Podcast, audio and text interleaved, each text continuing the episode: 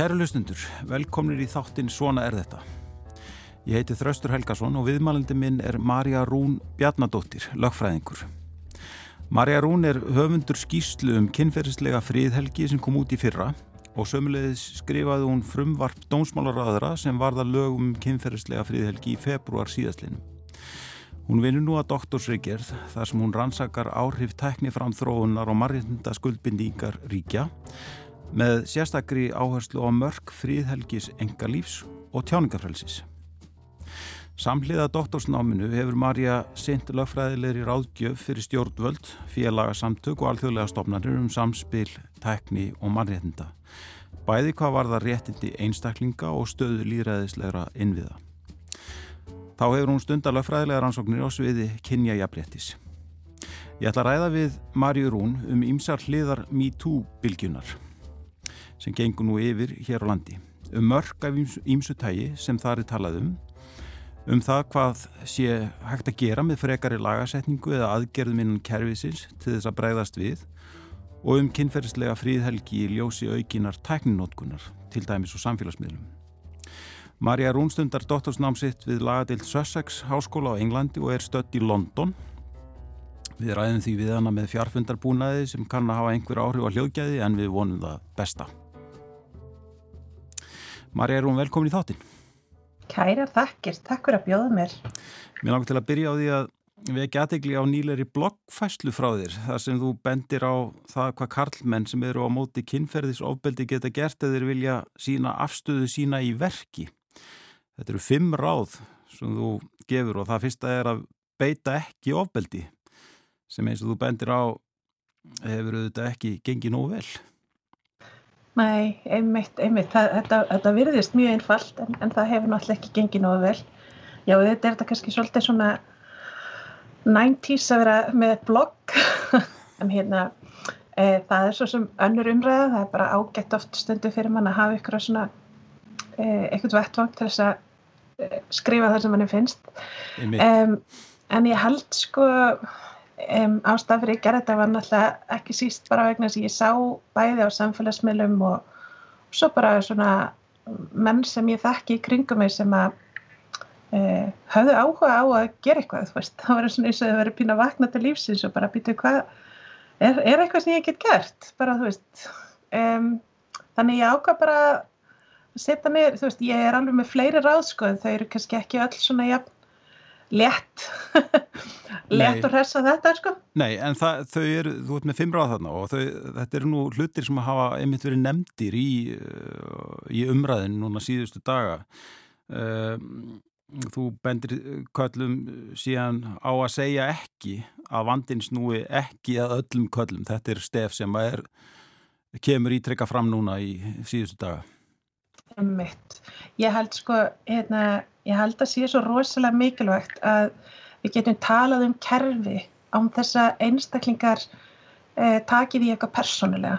Og eh, það er svo mikilvægt að, að, að hérna, sérstaklega erum að tala um svona kerfi eins og, og það að veldi og, og svona þess að svona inngrónu hugmyndafræði eh, að, að þessi, og svona þessi áhrif eh, í menningunni og í samfélaginum að fólk geti talað um það án þess að endilega taka því eitthvað nærri sér. Þannig að þegar það er verið að segja að, kallar nögi eða kallar beiti kynfyrirsofaldi að, að kallar ráði við að taka þátt í þannig umræðu án þess að upplifa að það beinist gegn þeim persónlega. Mm.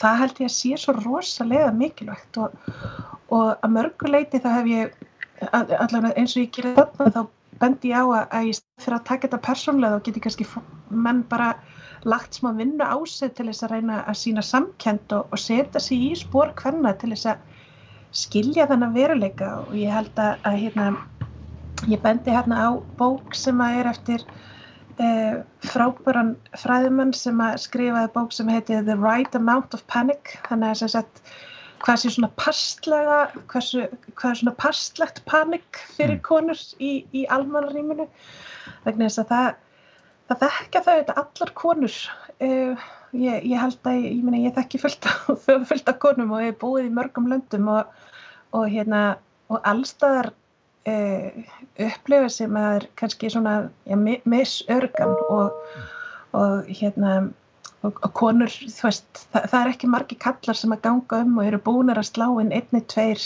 og eru tilbúinir að ringja ef að ef, ef eitthvað skildi koma fyrir. En, en flestar konur kannast við þetta. Og þannig að þessar svona öryggisráðstafanir sem konur þurfa að gera sem að kallar þurfa ekki að gera. Mm. uh, og ég held bara að það sé eitthvað sem að, uh, sem að kallar þurfa að, að bara skilja. Og, og, hérna, og þeir þurfa að leggja bara á sig smá vinnu til þess að, að hérna, gera það. Og það er alltaf læg Þetta Þriðar áðið er að vera fyrirmynd sem eru auðvitað líka Já. eitt af því sem heyrst yfir uh, mikið talaðum og, og, og skorti kannski talast upp á. Einmitt og það er að bæði hægt á sko persónlegu leveli og það er hægt á kerfislegu leveli. Mm. og, og það er náttúrulega fullt af köllum sem eru fyrirmyndir, þú veist, bannana sinna eða tjálvarar eða þú veist, gegna einhverju svona hlutverki gegvast ákveðnum bönnum og við erum fyrirmynd í því hvernig þið tala um konur og hvernig þið tala um kynlíf og hvernig þið tala um Eh, stöðu hvenna í, í samfélaginu. Eh, og það, auðvitað hefur það áhrif á, á hérna, eh, hvað krökkum finnst. Eh, og svo er það líka þetta kerfispundna að, að og mér dættu til dæmis í hugin svo til dæmis í íþróttafélagum þar sem er náttúrulega svo oft svona eins og kalla hérna í Breitlandi svona lad culture svona, svona gaura menning eitthvað mm. að, að hérna ég held til dæmis að íþróttafélagin gæti verið alveg frábærir um, aðilar mm. til þess að taka stór skref í, í að hérna, uppræta staðalímyndi kynjana. Einmitt. Fjörðaráðið er að fara á námskeið bandamenn hjá stígamótum. Já, ég, það er náttúrulega, ég var líka bara að reyna að vera praktísk sko, Já. og konkrétt og oft er bara fínt að fara á námskeið og hérna og ég held að stígamótið þetta hefur unnið þannig starfi í íslensku samfélagi að það, er, það verður aldrei metið til fjár. Mm það, hérna, e, það, það er auðvitað bara ótrúlegt hvað þessi samtök hafa náða að gera og oft í alveg hræðilegum mótbyr sko. Mm.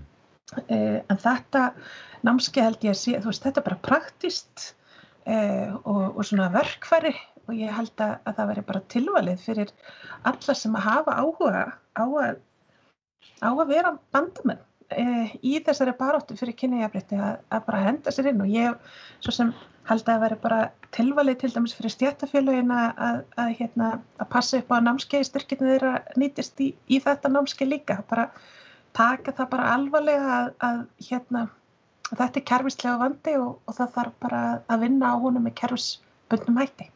En mitt og femta ráð er, er að halda kallakvöld, ég hef, hef ekki séð það. Eða heyrt í umræðinu núna.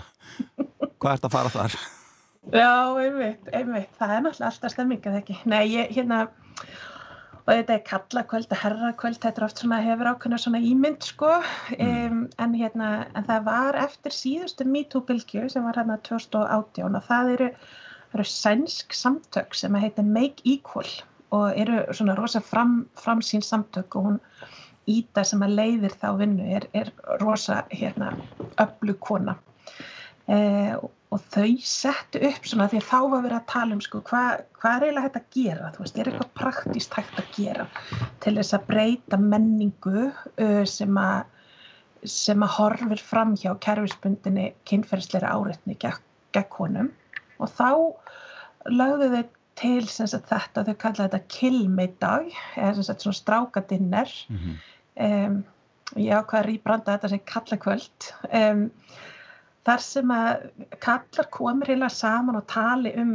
jafnrétti, tali um kynferðsópildi og, og tali um þetta og fræði hver aðra og gefi hver öðrum svona svolítið um, ráð og, og geti leita ráða hjá, hjá hver öðrum, vil fengið inn einhverja gestafyrirleysara eða eitthvað svo leiðis og ég veit til dæmis að sko til dæmis, ég frétta þessu vegna þess að ég Ég les alltaf eina sænska lögmannablaði, það er banna að gera grín af því, en hérna, uh, ég les það alltaf og, og ég sá þetta þar, að, hérna, að það voru nokkra sænska lögmannstofur þar sem að komu upp hansi svæsin MeToo-mál, mm. þar sem að voru nokkru lögmenn sem voru látnið fara og vil mistur réttindinn og svo framvegis vagna framgöngu sinnar og þá var, var því fyllt eftir með svona, svona kelmidag eða svona kallakvöldum á, á stofunum til þess að reyna sko, aðstóða við að, að bæta menninguna og, og hérna já svona þetta var bæði svona eitthvað svona úrvinnsla og forvarnir og, og svo var haldinn sko svona röð af, af dinnurum, ég held að þetta hefði í samstræðu við lögmannafélagið mér Þannig að ég held að, að hérna, þetta er líka bara konkrétt og praktist. Þetta er svona svolítið eins og námskeið. Það er svolítið það sem við erum að kalla eftir, eða ekki núna í þessari annari bylgu MeToo. Það er verið að kalla eftir því að, að kallar eh, stýji fram í umræðinni en líka uh, svona hérna taki þátt í, í og gera eitthvað sem sé í sínum málum. Já, einmitt. Og ég meina auðvitað hvernig er ekki búin að gera það í sko ára tugi það er auðvitað búin að kalla eftir aðkomi kalla að, að hérna, þessari baráttu í veist, langan tíma og ég meina Ísland hefur til dæmis beitt sér á alþjóðavettvangi fyrir því að kalla taki virkar í þátti þessu samtali til dæmis með barbershop ráðstefnunum sem að ég held að hafi haft heilmikið að segja í alþjóðlega saminginu mm. og hérna og það er búið, þú veist, það, öll ríki sem að til dæmis hafa undirgengist sítósamningin sem er eina, samningur samlið þjóðanum afnámals misreitisk gegn konum og er mannreitindarsamningur sem hefur bara hérna ég ætti að hafa ákveðið vægi að hérna í honum er bara skuldbending til þess að ríki virki kalla og drengi í baráttunni gegn kempundna ofbeldi og, og hérna um, kynbundum misrætti mm. þannig að, að, að hérna, þetta er í sjálfsveits ekkert nýtt það er kannski bara það að nú eru kallar að taka við sér. Já, og, og hérna og hvernig er þetta ekki að segja það er seint þó að koma síðir eða eitthvað svona, Já. það er eitthvað þetta betra seint en aldrei allavega. Já, einmitt. Uh, Hvað finnst þér svona annars enkenna þessa aðra bylgu MeToo svona eða þú, eð þú getur þú sett fingur á það nákvæmlega, hvaða er sem er að gerast núna? En hefur ekki gerst á því, er það fyrst og fremst þetta eða að kallar eru já. kannski að bregðast við Já, það er það náttúrulega. Það eru þetta þessi svona virka þáttaka kalla um, það eru líka kallarast í að fram með sína eigin hérna sögur. Mm. og ég held að það sé líka mikilvægt og mér finnst alltaf svolítið gott dæmi sko þegar fólk er, eða þegar yfirleitt er það kallar tímiður sem að segja sko já kallar eru líka beittar ofbeldi og, og konur beita líka ofbeldi og það er alveg rétt. En við höfum þetta séð það að ástæðan fyrir því að kallar geta stíði fram og talað um þannig brot. Að það er vegna þess að konur eru búin að brjóta það glerþak fyrir þá eða, eða glerþak, þið veit, eða búið konur eru búin að, að búa til það plássa þessi hægt að tala um kynferðsöfaldi þannig að, að, hérna, að sko baratan fyrir eh, kynjajafrætti er ekki bara í þáu hvernig mm. hún er auðvitað í þáu allra kynja. Og, og, en það sem að mér finnst oft svona erfitt það er þetta með sko þessi diskursum að, að hérna þessi svona þessi ægileg þöggun sko á, á hérna á, á brotunum sem að kallar verða fyrir og það finnst mér svona um, já, það, mér finnst það ekki frábært. Hérna, ég held að passi ekki alveg í en, en það sem að kannski mér finnst engina þessa um, það sem er kannski sérstatt líka núna er að, er að við erum að sjá konur stíga fram undir nafni uh, hérna á Íslandi sem að var kannski ekki það sem að var gert í, í síðustu mító hérna byltingu og kannski er það þannig, Kann, mm. kannski er það að hafa þessi áhrif kannski eru kallar að sjá konur sem þeir þekkja að stíga fram og einhvern veginn er eitthvað andlit á, á brótun, ég veit ekki, það getur verið en, en ég finnst líka svolítið gott að, að það hefur opnast svona svolítið umræða um, um klám og áhrif kláms á bæði svona viðhorf okkar og, og viðmið og mörg. Og ég held að það sé líka þráður sem eigi eftir að, að svona tegjast aðeins í umræðinni.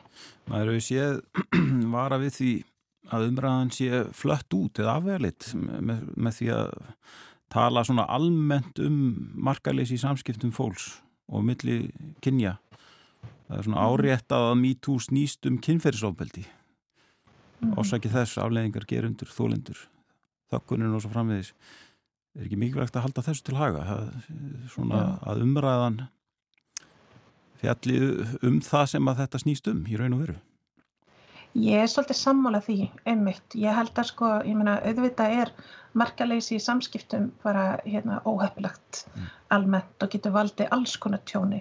En þegar við erum að tala um sko uh, markaleysi í samhengi við kynferðsbrot, að þá er það, um, þá er það tiltrúlega afmarkað mm. uh, og ég held að við þurfum að, að, að, hérna, að halda okkur við það svo við þurfum ekki almennt að tala um bara að ég, þið veitir þannig að við séum ekki svona útvatna mm. hérna e, bæði umræðina og, og efnistökin í umræðinu. Já, sko og umræðan snýst að miklu leitu um mörg og nú fyrir við svona nálgast svona það sem að þú e, svona kannski þitt sérsvið e, hvenar er farið yfir mörg og hvenar ekki og það er eins og það að sé einfallega mikil skekkja eða mikil munur á því hvernig karlar og konur upplifa mörg uh -huh. uh, mörg á mill þess sem er leifilegt og, og þá jáfnveg lagalega leif, leifilegt eða samþygt uh -huh. og ekki samþygt uh. og þetta er kannski Já. bara það sem, að, það sem er verið að fást við í dómsölum bara alla daga eða hvað Ég, einmitt, það held ég sko vegna þess að, að hérna, við auðvitað erum og ég er auðvitað lögfræðingur sko þannig að ég er auðvitað ekki hérna, hlutlus hér en hérna en sko við erum rosalega oft að, að, hérna, að heimfara við með e, dómskerfisins á almenna umræðu. Mm. og ég held að það sé ekki gaglegt um, og við erum oft sko að, taka einhvern veginn þessi til dæmis við með um sönnunakröfur í, í, hérna, í naukunamálum um, það eru þetta viðmið sem að eiga við um mál sem að hafa farið inn í kerfi. Ef að það er þólandi sem að stígu fram og talar um sína reynslu að hérna þá þarf það ekki sjálfkrafa að þýða við þurfum að beita þessum viðmiðum réttakerfisins á, á þá umræðu ef hún er ekkit inn í þeim farvegi sem að, sem að þeim viðmiðum er ætlað að ná utanum ég, ég veit þetta er kannski svolítið hérna, stafnarlegt en, en, en ég held að það skiptir ósvæmlega miklu máli að við, að við hugsaðum þannig vegna þess að auðvitað eru hérna Er, veist, við erum ofta að tala um bara eitthvað svona svartkvíta veruleika. Þetta er barna og þetta má en, en, en, en raunveruleikin er ekkert þannig það er grátt svæði oft á milli þess sem er svart og þess sem er hvít og það er á þessu gráa svæði oft eh, sem að hérna, sem að það verða eh, ja, atvik sem að þú ert kannski með mjög ólíka upplifun þeim hjá þeim sem að eiga aðild að, að, hérna, að því aðtöki sko. mm. og löginu þetta gera bara rosalega mikla kröfur. Þú veist að við erum til dæmis að tala um kannski hérna e, þetta, þetta, svona, þetta hér er dæmi sem að Liz Kelly hérna, sem er mikil fræðikona á þessu sviði og hún, hérna, þetta, þetta var haft eftir henni og hún hefur talað um sko að, að hérna þegar við erum að réttakerfið er að krefjast þess að brótaþólar segi skýrt nei, alveg rosalega skýrt. Þú ert að segja svo skýrt að það heyrist út um allt og, og hérna stíga fast niður fæti og vera alveg skýr en það eru ekki kröfunar sem við gerum á samskipti eða, eða mörg sem að hérna, eða, skilabóðum um e, í, í, til dæmis að brótaþóla í öðrum málum til mm. dæmis og það þetta kemur til vegna þess að sönnunagögnin eru hérna eru oft ekki, ekki auðfinnanleg og, og allt svo leið sko. En mér finnst það samt eitthvað sem að væri kannski alveg þessi verði að ræða aðeins um svona í svona samfélagslegu tilliti því að nú eru þetta bæði löginum kynferðslega friðelgi og þetta nýlega breytingar á, á hefningalögunum á nögunarákvæðinu þar sem að það er lögugriðilega áhersla og grunnurinn í raun og veru fælist í samþykki. Mm -hmm. Þannig að hvað er samþykki og hvernig, hvernig er það gefið um, nægilega skýrt til kynna kannski eru kannski eru viðmið þar þau eru rosalega, við erum að gera rosalega ríka kröfur og brótaþólega þeir, þú veist, alveg bara flaggi, bara Já. nei að meðan, að meðan kannski það tekur ekkert endilega með að veruleikunum, þetta er oft flókin samskipti og sérstaklega þegar þetta er kannski hluti af þú veist, einhverju, einhverju sambandi á milli brótaþála og, og geranda sem er auðvitað í, sem eru þetta þegar við tölum með um kynferðisbrot þá er náttúrulega lang flest brotin þannig að það er eitthvað tengsl á milli, þetta er ekki einhverjir þú veist, hættuklættir glæpamenn í húsasundi sem að býða eftir konum, sko, þú veist, þetta er lang flest brot eru framin í, eru, eru ekki bara brot á, sko þú veist, þeir eru brot á trösti oft líka, sko. Einmitt. Akkurat, eins og framkom í yngangi þá samtið þú frumvarp dómsmálaráðra sem var að lögum um kemferðislega fríðelgi nú í februar. Getur þú kannski sagt okkur aðeins frá því út á hvað þær breytinga gengur og hvað þær þýða fyrir til dæmis uh, brota þóla? Uh -huh. Já, Þannig áttur að tala um það að staða þeirra inn í kerfinu séu ymitt veik. Uh -huh einmitt. Já, ég finna auðvitað brota þólar í, í, eins og í þessum máluflokki eru ekki beinar aðilar að málinu sínu þannig að þau hafa í sjálfsögur ekkert forræði á því og auðvitað er það eðli refsimála og, og, hérna, og skipti máli að, að, hérna, að lögjafinn um, að, að framkvæmdavaldi sinni hérna, þessu hlutverki Um, ég held og ég stend nú alveg, ég bind mikla vonu við það að, að það verði breytingar þar á til þess að tryggja betra aðgengi brótaþóla að, að hérna, sínum málum og, og tilhjóðna sem hún Hildur Fjól Antonsdóttir hefur unnið eh, fyrir stjórnvöldi eru þetta hérna, gríðarlega mikilvægir í, í því samhengi. Og ég held kannski bara aður en ég held áfram að þá, þá, hérna, e, þá sko, þetta frumvarp sem ég skrifaði fyrir dómsmarraráð þegar en ég var alveg búin að bjóða öðrum ráð þegar maður skrifa þetta fyrir maður fyrir þá sko mm. en, en það þarf að vera pólitískur áhugi Já. á því að taka svona mál áfram mm. og, og í þessu tilfelli til dæmis að, að, hérna, að þá er það til dæmis Katrin Jakobsdóttir fórsættisráður að hún skipar þarna starfsóp um ég man nú ekki alveg hvað titillin var, hann var mjög langur um, hérna, um kynfyrirsbrot og það er Halla Gunnarsdóttir sem er, er ráðgjafin hennar í, í jafnrættismálum á þeim tíma sem að stýrir þeirri vinnu og, og sá hópur færi mig til þess að skila þessari skýslu sem ég gerir tilur að bæði lagabreitingum og ímiskonar um, kerfislegum breytingum mm. til þess að fylgja eftir lagabreitingunum og það er í raun og veru vegna þess að Katrín og Áslu Arna, dómsmannráður þær hafa áhuga á því að stíga inn í eh, þennan málaflokk að, styrkja kvannfrelsi, að, að styrkja um, brótaþóla seinlega og bæta meðferð og, og umgjörð þeirra mála sem að varða brót gegn um, kynferðisbróta mm -hmm. um, Þannig að ég skrifa þessar tillögur og ég held að sé byrstar hérna hvað janúar 2020 já. og í framhaldinu að þá, já og þær, þær vörðu sem sagt annars vegar lagabreitingar og það laði til breytingu á, á uh, hérna, kynfyrsbrotakablanum, sérstakt nýtt ákvaði uh, og svo tvær breytingar á, á hérna, friðhelgiskablanum og eina breytingu á uh, ákvaðinum barnanýð mm. eh, og það á svona svolítið rætur í, í þessari hérna, samþykkis hugmynd um, og svo uh, gerist það að, að, hérna, að Ásli Arna hún beði mig um að skrifa þetta frumvarp sem að byggir þá á telefonum mínum. Og ég bara fór í sumabústa á laugatni hjá, hjá mákunum mínum og, og skrifaði þetta. Og hérna kann þau bestu það ekki fyrir lánu, kannski bæti því við. Um, og þar hérna um, breyttist svo sem að, ég breytti aðeins um, orðalæginu en niðurstaðan var sem sagt að, að hérna til, breytingatillögum varnir barnanýðið að þær eru núna í öðru frumvarfi sem að hérna dómsmarraður hefur lagt fram og er núna í, í þingleira meðferð.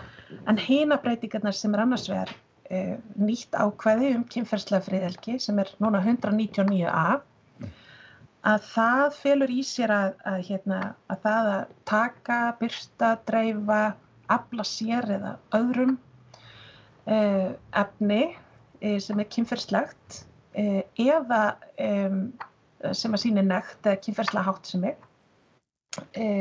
Og það er ekki bara, svolítið mikilvægt að það er ekki bara myndefni, mm. það er líka texti og og þarna var ég náttúrulega líka að reyna að hugsa um það að ég held að sé ekkert langt í að við séum að fara að sjá til dæmis eh, VR og AR eða sem sagt virtual reality og augmented reality útgáður af til dæmis klámi og kynferðsbrotum.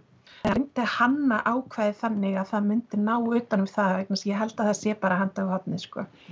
Um, og, eh, og líka það nær sem sagt líka utanum að falsa efni þannig að, að hérna e, og það eru alveg dæmi um það að, að kannski höfið á einhverjum sem sett sé, hérna falsað inn á til dæmis einhverjan klámynd mm.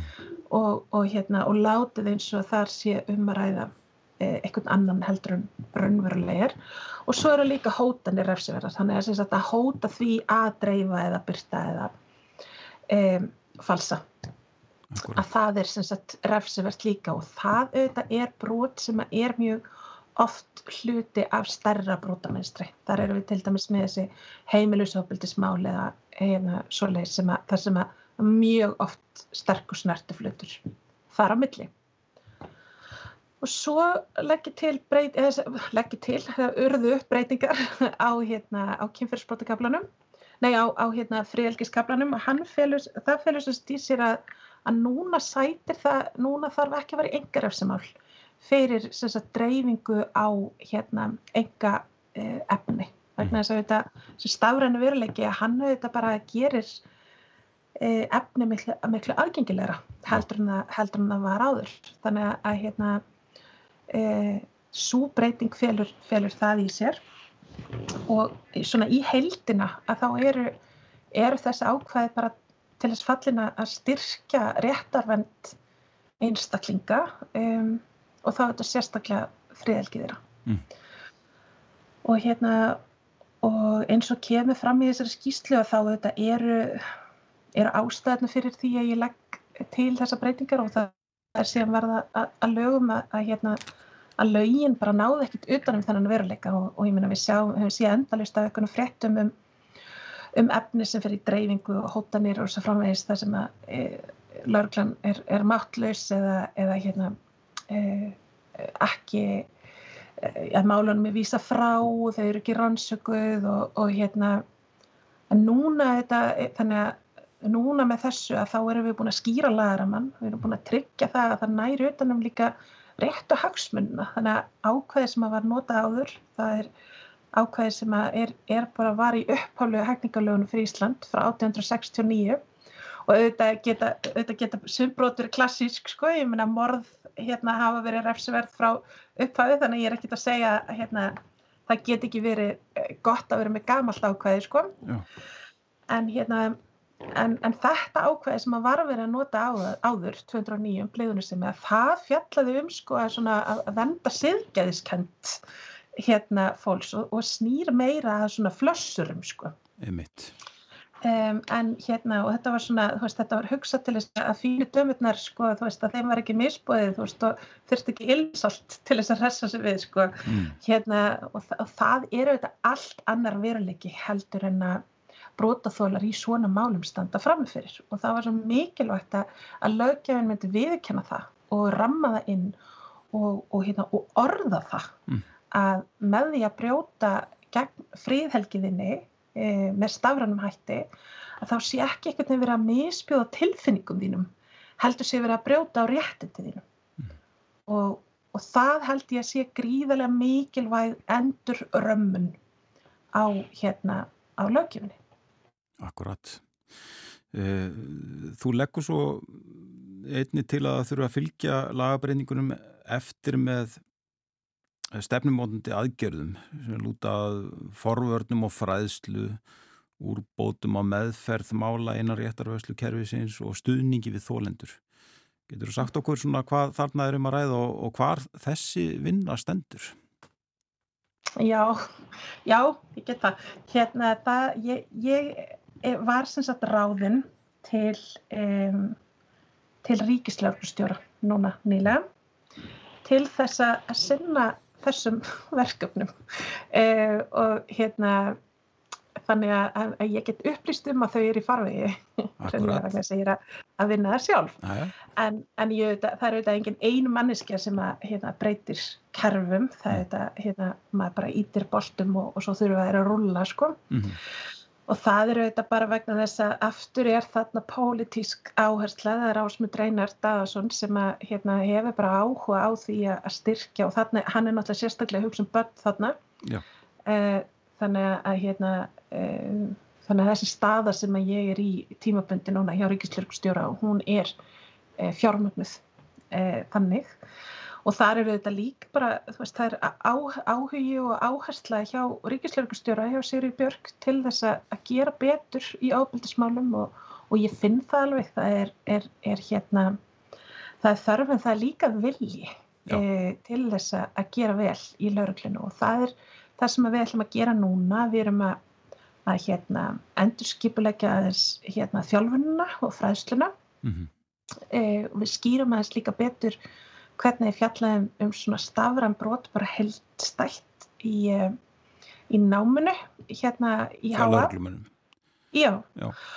Og, uh, og við ætlum líka að fylgja því eftir markvissar þannig að auðvitað er, ég menna, lauglufólk er, er, er upptikið. Það, ekki, það er ekkit að lesa lagasafna á hverju degi og fylgjast með hvort eitthvað hefur nýtt komið inn eða ekki. Þannig að, að við þurfum líka að fylgja því eftir markvist, gagvast lauglufólki, hvernig hérna hvernig lögunum er breytt og, og, og hvað áhrif það, það hefur á þeirra störf. Mm. Og síðan með, hérna, tækni, með aðstóðina við, við þólendur að hérna, þá erum við að, að leita ímis að leiða til þess að nota tæknina eh, sem svona, okkur í hag eða brótaþólum í hag.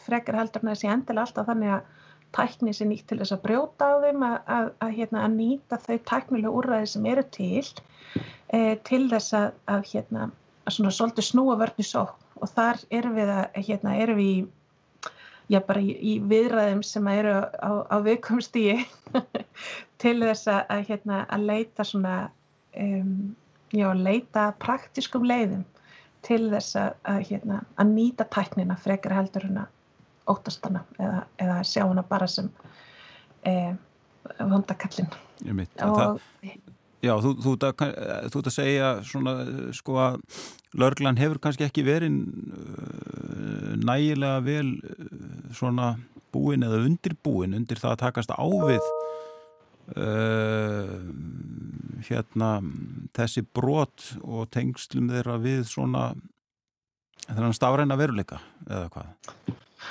Já, sko, ég, það, er, það er mín niðurstaði í minni rannsókn og ég, og ég byggja hana á viðtölum við lauruglufólk og við hérna, ákjærendur inn í kerfinu. Þannig að það er ekki, þegar ég segi það þá er það, engin, hérna, þá er það ekki bara mín tilfinning, það er mm. bara niðurstaði rannsóknarinnar.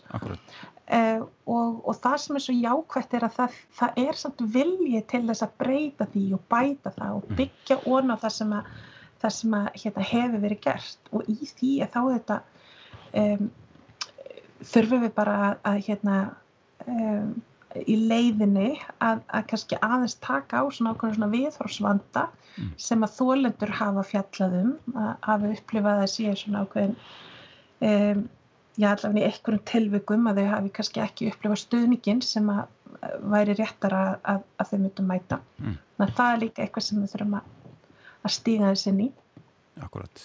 og svo er svona hluti líka þessu er að við ætlum að reyna að gera aðgengilegar upplýsingar fyrir bara alla, fyrir almenning eh, um bara ímiskonar svona ráð um hvernig við getum varið okkur betur á netinu eh, mm. bara sem, sem neytendur svolítið, ekki bara sem notendur og, og það er hluti af þessu forvarnastarfi sem við ætlum að, að hérna að styðja við því að auðvitað er fullt af aðlum að sinna forvörnum sko. Vi, við erum ekki að fara að, hérna, að breyta því Einmitt.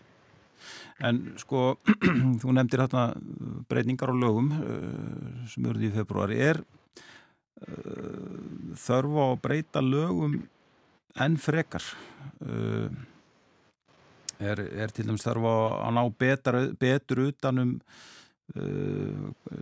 svona, já, hvað er maður að kalla kyn, kynjaða áreitni í lögum bara almennt eða, uh, eða hvernig horfir það við? Þetta er náttúrulega rosalega góð spurning ég held að mitt sko að, að, hérna, að þetta svona, hvað segir maður, svona bara viðhort til hvenna og hvenn fyrirlitning og, og, hérna, og það sem er bara kalla hvenn hatur mm. eh, og, og hérna, kynja mis, misrétti sem eru þetta bara kerfisbundið og það er innréttað í, í hérna þetta Íslands samfélag eins og önnur samfélag og það þýðir einhvern veginn ekkert að að vera eitthvað fúli við því sko, það er bara þannig og svo þarf maður bara að vinna í því að uppræta það, þetta er bara eins og með arfa og svo leiðis hjá, hjá garðurki fólki sko. Mm. Þannig að, að hérna, e, og þá er þetta veltið fyrir okkur hvaða tæki eru best til þess að breyta, breyta viðhorfum og hvaða tæki samfélagsins eru best til þess að, að hérna, snúa við þessari þróun og, og, og uppræta þessa minnsemt og þá hafa auðvitað hérna, forvartur og fræsla alltaf verið hérna, mikilvægt skref og þá erum við auðvitað að tala um alls konar hérna, kynja jafnbryttisfræslu og, og kynfræslu og alls konar svona inn í skólunum. Eh, en við hefum líka verið að horfa á laugin og hvort að þau séu nógu sterk og hvort að þau hafi staðið sig hvort að þau hérna, séu svona tæki sem þau þurfa að vera. Og ég mann til dæmis eftir hérna MeToo 2018 og þá eh, held ég erindi um, um hvort að það væri tímabært að, að, hérna, að grípa til lagalega aðgerða til þess að bregðast við svona kynbundnu áriti. Mm. um, og mín viðstaf var nú að svo væri um, og þá var ég annars vegar að horfa til svona þeirra þróunar sem er að eiga sér stað í Evrópu svolítið og bæði komið langt í Finnlandi og, og Breitlandi þar sem að bara hvern fyrirlitning er, er skildreint sem svona já, fordómar sem að hafa þannig þyngd að, að hérna, þeir geti verið skilgreinti sem hatur. Þannig að bæði hérna, hérna Law Commission hérna í Breitlandi er, hefur komist að því að, að lagalega væri rétt að skilgreina eh, hvern fyrirlitningu sem hluta af, af hatursflórunni og þar eru að tala um rasisma og xenofóbíu og, og, og svo framvegis e, og fordóma gegn hverju fólki um, og, svona kerfispundna kerfispundna fordóma sem að e, byrtast, sem að, sem að grafa undan líðræðinu mm. En hérna til dæmis eins og Lókomissjón fjallar um að þá fjallar hann um að, að hvern fyrirleitning sé svo rótgróin og hún sé svo um hérna, hún byrtist með svo viðtakum hætti að, að hugsalega sé e, þessi svona hatursnálgun ekkit endilega skinsamlegust, heldur þurfi bara að taka á henni á þar sem, hún, þar sem hún byrtist um, og, og, en, en finnar til dæmis er að mér ástöfnu núna í, í júni þar sem að þau, þau eru að kynna tilur sem að þau eru með um, um að skilgrina hérna hvern fyrirlitningu sem, sem hatur. Og ég held að sko í tengslu við náttúrulega þegar, þegar jafnbrytslögin voru endur skoðið núna síðast sem ég held að hafa verið í fyrra að þá fór fram ákveðin svona umræða um hvernig, hvernig lagalega viðbröð við svona hvernfyrirlitningu og, og kynjamisrætti e, eigi að vera. Um, og þá var niðurstaðan alltaf að það er ákveði í jafnbrytslöginu núna um kynbundna áreitni e, sem er þá kannski áreitni sem er ekki endilega bundi við hérna kynferðist, þú veist ekki eins og kynferðislega áreitni, heldur, heldur áreitni sem á rætur í því að um sér ræða að, sem beinist að ykkurum af því að hann er af ákveðinu kynni mm. og yfirleitt er það, er það þá konur og það er þetta svona catcalling og, og svona áreitni það er svo skrítið að segja þetta en bara svona venjuleg, svona venjuleg áreitni mm -hmm. sem að verði fyrir að vera kona í, í hérna og þú veist, í, í operurými eða, eða ekki. Mm.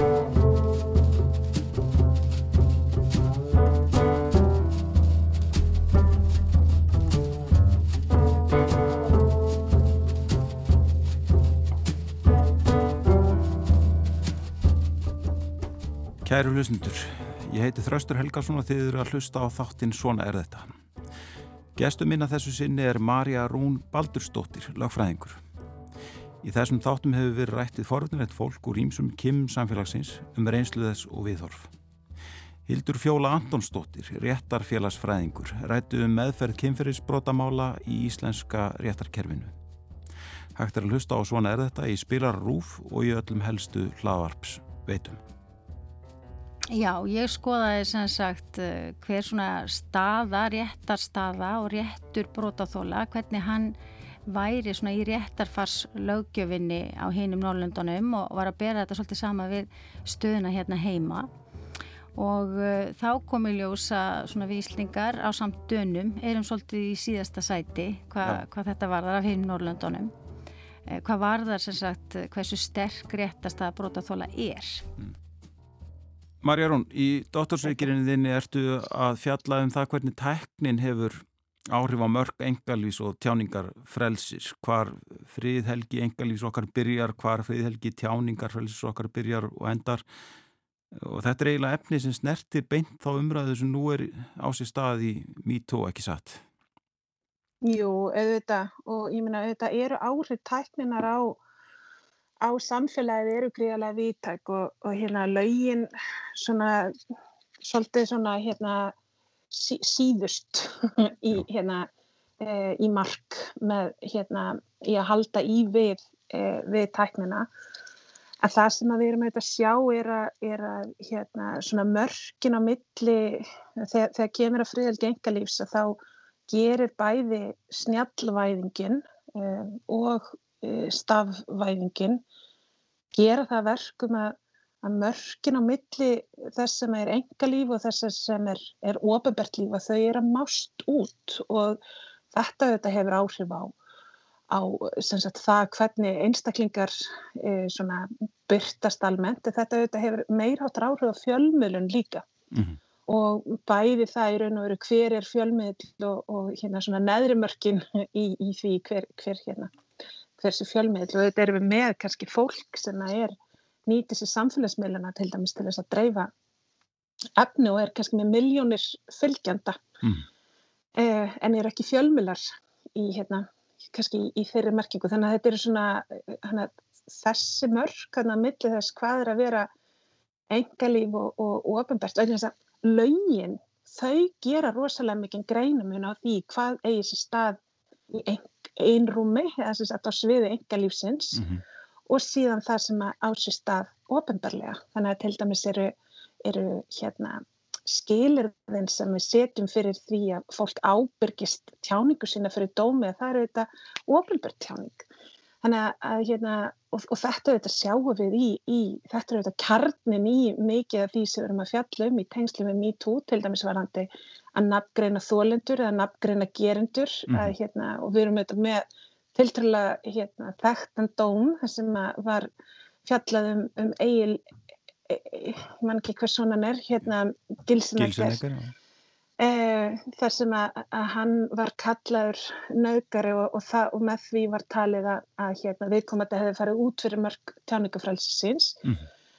En við erum líka með dæmi þar sem að, að það að segja eitthvað sem er satt eh, og, og það að hérna, já og það til dæmis að segja að hérna um, til dæmis eh, að eitthvað, eitthvað hafi komið fyrir eitthvað að hérna að það þarf í sjálfu sér ekki að, að, að ganga of langt. Þannig að þessi, svona, þessi mörg þau eru rosalega flókin og þau eru rosalega erfið og, og, og sérstaklega þegar við erum að eiga við svona viðkvæm mála þá verður það virkilega, hérna, þá reynir bara virkilega á.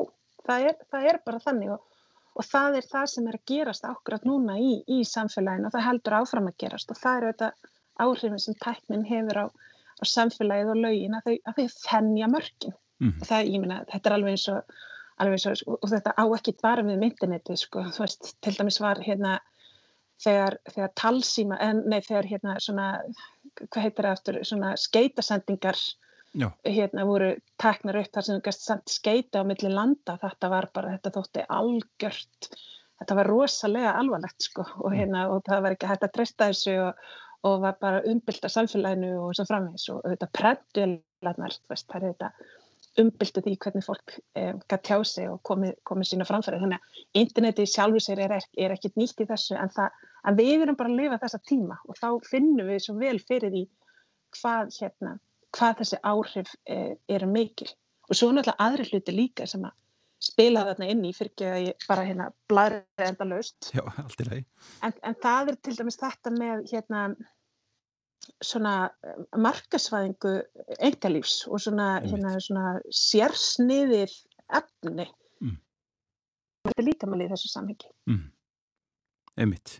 Og, og þar erum við komin inn í umræðu um, um hluti sem eru bara nýjir hér til dæmis og það er þessi OnlyFans síða það sem að yfir þetta er gert ekki satt, það sem er svona -hmm. verið að nýta já eiginlega það er verið að markasvæða enga lífi þar eða ekki selja aðganga Nákvæmlega að, og við erum sjáum þú veist ég minna að þetta, þetta er ekki þetta í sjálfu sér er ekki nýtt sko. Við sjáum náttúrulega hérna veist, Kardashian bara veldið sem verður til með því að veita, með því að veita aðganga engalífi sínu og, og markasvæða engalífi sitt. Þannig að þetta eru biljónamæringar og, og áhrifavaldar og, og hérna, viðskipta mókular okkar tíma. Mm. Eh, og hérna, og þetta eru þetta, sko, þú veist, við erum allir vöndi að, að sjá nákvæmlega auðlýsingar sem eru sérsniðar að okkur við sjáum hérna, fjölmilefni sem er sérsniða okkur, við, við, við veljum okkur hvað við hlustum á og hvað við horfum á. Mm. Eh, jafnvel er fólk að borga fyrir það sérstaklega, þú ert kannski að borga eins og Patreon til dæmis og, og, og Substack og svona hvað áhrif það hefur á, á, hérna, á fjölmilaflórunna. Mm. Og fólki síðan bara að þú veist, það er bara að fara að vennjast í að geta borga fyrir það sem það vil sjá. Þannig að það vil bara sjá ákveðna tegunda klámi og þá bara borgar það fyrir það til þess að einhver ákveðin manneski að gera eitthvað ákveð og bara þeim er meira sem þú til í að borga. Þeim er meira getur fengið sérsnið. Og við erum líka að sjá þetta sko, þetta er ekki, þetta er ekki sérstakt við OnlyFans. Þetta eru við til dæmis að sjá í, í kynferðsbrotum gegn börnum. Mm. bara mjög stert, sérstaklega brot sem eru framinn yfir landamæri þar sem að, sem að brota maðurinn hefur samband og, og, og nákvæmlega eins og í OnlyFans pantar efni sem hann vil sjá hver gerir hvað við hvern og hvernig og borgar upp þetta upphæð. Mm. Þannig að þetta er, þetta er nákvæmlega sama sko, veist, þetta er þessi sjarsnýðing og efni og markasvæðing engalífs og, og hérna, markasvæðing kynfyrsbrota sko, mm -hmm. sem að, hérna, við erum að sjá í sem bara byrtist með mismunandi hætti og, og hér vil ég bara taka fram að bara strax að ég er ekki að segja að, að, hérna, að fólk sem að selur efni á OnlyFans sé að verða fyrir kynfyrirsbrotum, það, það er ekki það sem ég er að segja. Mm. En ég er að segja að, að þegar við erum að tala um börn, þá eru það kynfyrirsbrot kategórist en MO-ið, eða sem sagt modus operandi eða, eða það svona hvern, það hvernig hlutunir ganga fyrir sig, það er alveg eins. Það mm. við erum að borga augalega fyrir e, auka sérsniðin aðgang. Og þetta eru þetta áhrif tækninar á, á samfélagið og, og, hérna, og þessi mörg sem við setjum eða setjum ekki mm. e, í samskiptum þar. Lauruglan veldir fyrir sér, maður sá það núna nýlega frétt þar sem lauruglan er að skoða það hvort að þetta sé ólöglegt það sem er að gerast á OnlyFans mm -hmm. Hva, hvað segir um það? Ég, ég, myna, ég held að það þurfa nú engan sérfræng til að sjá að, að hérna, myna það er bara viðtöl við fólk sem að er að selja efni í gegnum OnlyFans þar sem það lýsir sér sem klámsölu fólki eða, eða hérna, klámyndaleikunum þannig að ég held að maður þarf nú ekki, ekki verið neitt geimisenda maður til átt að segja að þetta eru þetta klám hins vegar er sko er kannski vandin við það að ákvæðið í lögunum sem fjallar um klám því hefur kannski ekki verið beittnitt sérstaklega markvist mm. og það þetta kemur til vegna þess að, að það ákvæði er ekkit sérstaklega nákvæmt. Hérna í Breitlandi til dæmis er, er ákvæðum klám, það er svo nákvæmt eh, og það fer bara og, og það er sko löglegt klám eða þú veist klám sem má vera aðgengilegt og síðan er sko ólöglegt klám hérna, veist, sem er svo gróft að það megi ekki vera aðgengilegt. Veist, það er bara búið að fara í bara, hérna, bara flokkun sko, hva, hvað, hvað sé lægi og hvað sé ekki lægi. Meðan Íslandi hefur, hefur þetta ákvæði svolítið svona bara leiði þarna sko því hefur ekkit verið synd eh, kannski framkvæmtinni á, á eftirfylgni með því og það er þetta líka löggefinn sem að bera ákvæmna ábyrð þar vegna þess að þegar kynfyrirsbrotakabli hægningalana var endurskoður 2007 sem voru gríðarlega réttabætur og, og Ragnhildur Bræðadóttir skrifaði það frumvarp sem var ótrúlega mikilvægt fyrir, hérna, fyrir málaflokkin að þá var sá hluti lagana sem að lauta að svona óskildgrindari hagsmunum eins og til dæmis 209 sem ég talaði um hérna aðan, bleiðunarsefnisbrotið mm. og 210 sem fjallar um klámið, að það var ekki tekið til endurskoðunar. Þannig að, að, hérna, að þessi, að sko löggefinn, hann hefur heldur ekki kannski stað sig alveg í því að taka þetta samtaldi og ég skilða það, mjög erfitt, þetta er mjög erfitt samtal, en, en kannski er það bara kannski er, er sá tími bara komin. Það getur alveg vel verið, sko. Eða mitt. Marja, það var ákvæmlega forunilegt að fá því í þáttinn. Gangiði vel í þínum mikilvægu störfum áfram. He, kærar þakki fyrir að bjóða mér. Takk og, fyrir hérna, komina. Og takk fyrir spjallið. Sumulegis. Kæru lustundur, við verum hér aftur á vikuliðinni. Góða stundir.